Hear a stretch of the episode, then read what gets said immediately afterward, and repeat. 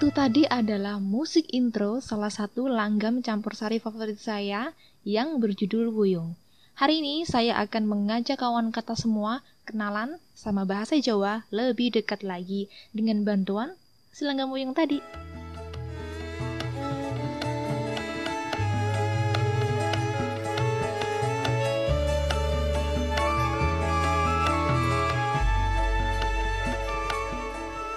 Dalam semua bahasa saya rasa ada yang namanya peribahasa.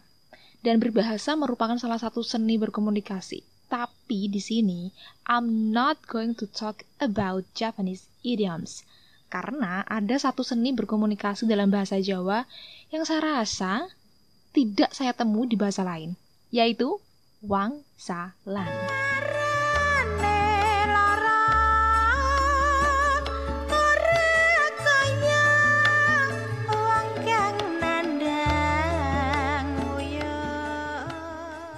Wangsalan pada dasarnya adalah teka-teki, tebak-tebakan yang harus dicari akarnya itu apa. Baru bisa kita sambungin ke kata yang ada artinya di bahasa Jawa. Jadi mungkin buat kawan kata yang nggak tahu bahasa Jawa akan sulit menerima ini. Tapi kalau kalian mau tahu, keep on listening.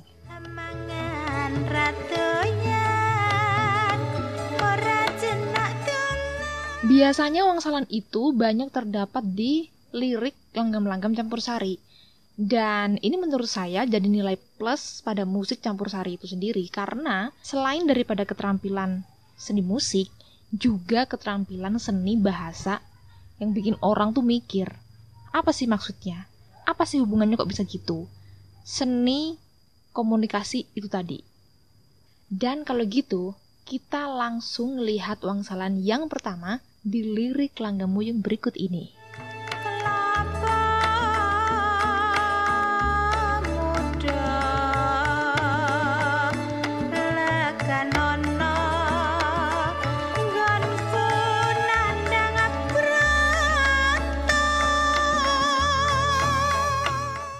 Kelapa muda leganono gonku nandang bronto.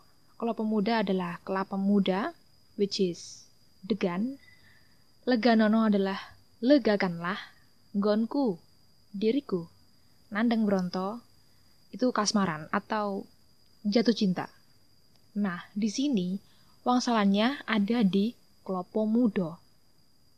Klopo Mudo kan disebutnya degan ya. Makanya, lirik setelah itu adalah Leganono. Degan jadi legan. Kalau di lagu ini sih udah dibocorin teka-tekinya apa it's so mudah gitu. Kelopo muda lega gonku nandek bronto. Legakanlah diriku yang sedang kasmaran ini. Kita nggak terjemahin si kelapa muda itu karena di bahasa Indonesia nggak akan ada hubungannya. Tapi kalau di bahasa Jawa, it has a meaning. Itu yang pertama. Sekarang kita dengerin wangsalan yang kedua.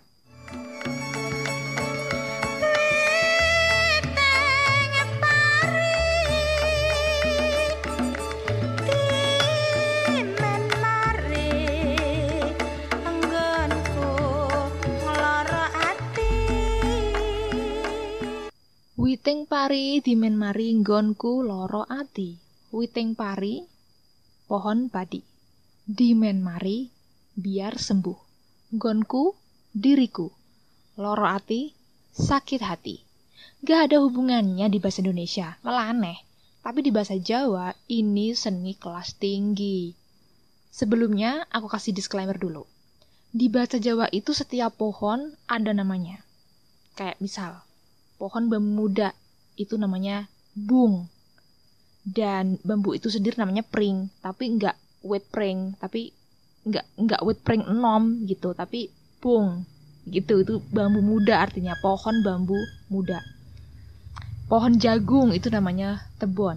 Kalau di bahasa Indonesia kan pohon jagung ya udah pohon jagung aja gitu ya nah di lirik tadi ada nyebutin pohon padi. Atau kalau di bahasa Indonesia batang padi ya mungkin nyebutnya Nah, si batang padi atau pohon padi itu di bahasa Jawa disebut damen. Wit pari jenenge damen. Makanya liriknya witing pari dimen mari. Damen jadi dimen. Gitu. Witing pari dimen mari gonku loro ati. Sembuhkanlah rasa kecewaku ini. Kenapa kecewa? Karena di ghosting. Langgam Buyung ini bercerita tentang orang yang sedang jatuh cinta, yang kasmaran, tapi kena ghosting. Uh, orang yang atau mungkin orang yang dia sukai itu nggak tahu kalau dia tuh suka sama dia gitu. Jadi dia merasa di ghosting sendiri gitu. Oke kita lanjut ke wangsalan ketiga atau yang terakhir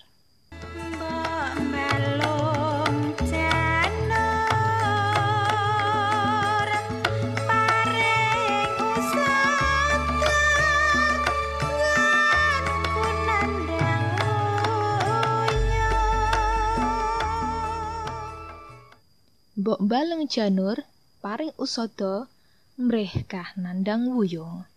Berikanlah diriku ini penawar rindu. Tapi kalau diterjemahkan satu persatu di bahasa Indonesia akan sangat aneh. Balung janur, tulangnya daun kelapa muda. Janur kelapa muda, semua orang tahu. Nah, balung itu tulang. Balung janur itu tulangnya si daun kelapa itu.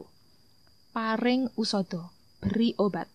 Mreh kang, kepada Nandang Bronto, Kasmaran. Nah, di sini wangsalannya adalah si balung janur itu. Tulangnya daun kelapa itu apa sih? Betul sekali, lidi. Lidi di bahasa Jawa disebutnya soto. Nah, soto jadi usodo. Usodo itu artinya obat atau penawar. Berilah diriku ini penawar rindu. Aku selalu terbayang-bayang dirimu, tolong. Aku jangan di ghosting. Seperti itulah kira-kira.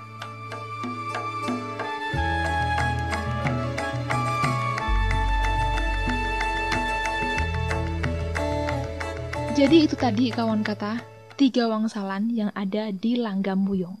Saya harap kawan kata udah tahu ada gambaran dan ngertilah wangsalan itu gimana cara mainnya. Dan menurut saya, ini adalah seni berkomunikasi yang sangat unik. Karena seperti yang saya bilang tadi ya kawan kata, kalau di bahasa Jawa, setiap pohon ada namanya. Daun, bunga, biji, anak hewan, itu semua ada istilahnya sendiri. Itu aja udah berkesanah banget kan?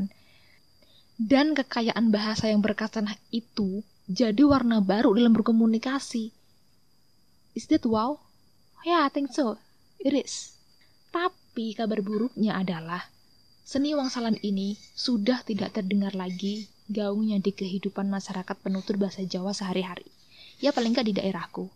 Kalau dulu waktu saya masih kecil, itu beberapa kali nenek saya pakai wangsalan itu untuk ngobrol sama teman-temannya yang seangkatan. Bahkan ketika saya tanya, ngomongin apa sih nenek? Nenek jawabnya pakai wangsalan juga. Cah cilik ojo bubuk udut. bubuk udut itu serbuk rokok.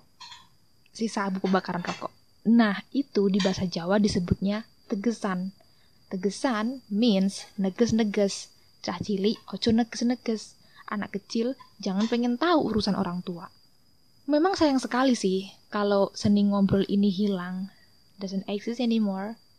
Karena bahkan generasi ibu bapakku pun have no freaking idea tentang ini apalagi generasiku, apalagi generasi anak sekarang. Rasanya berat banget berharap sama mereka. Tapi untungnya Wangsalan ada di lagu-lagu Jawa. Ya meskipun orang menikmati lagu Jawa itu kebanyakan gak peduli sama liriknya. Tapi paling gak, it will be long lasting, it will be markable into songs ya.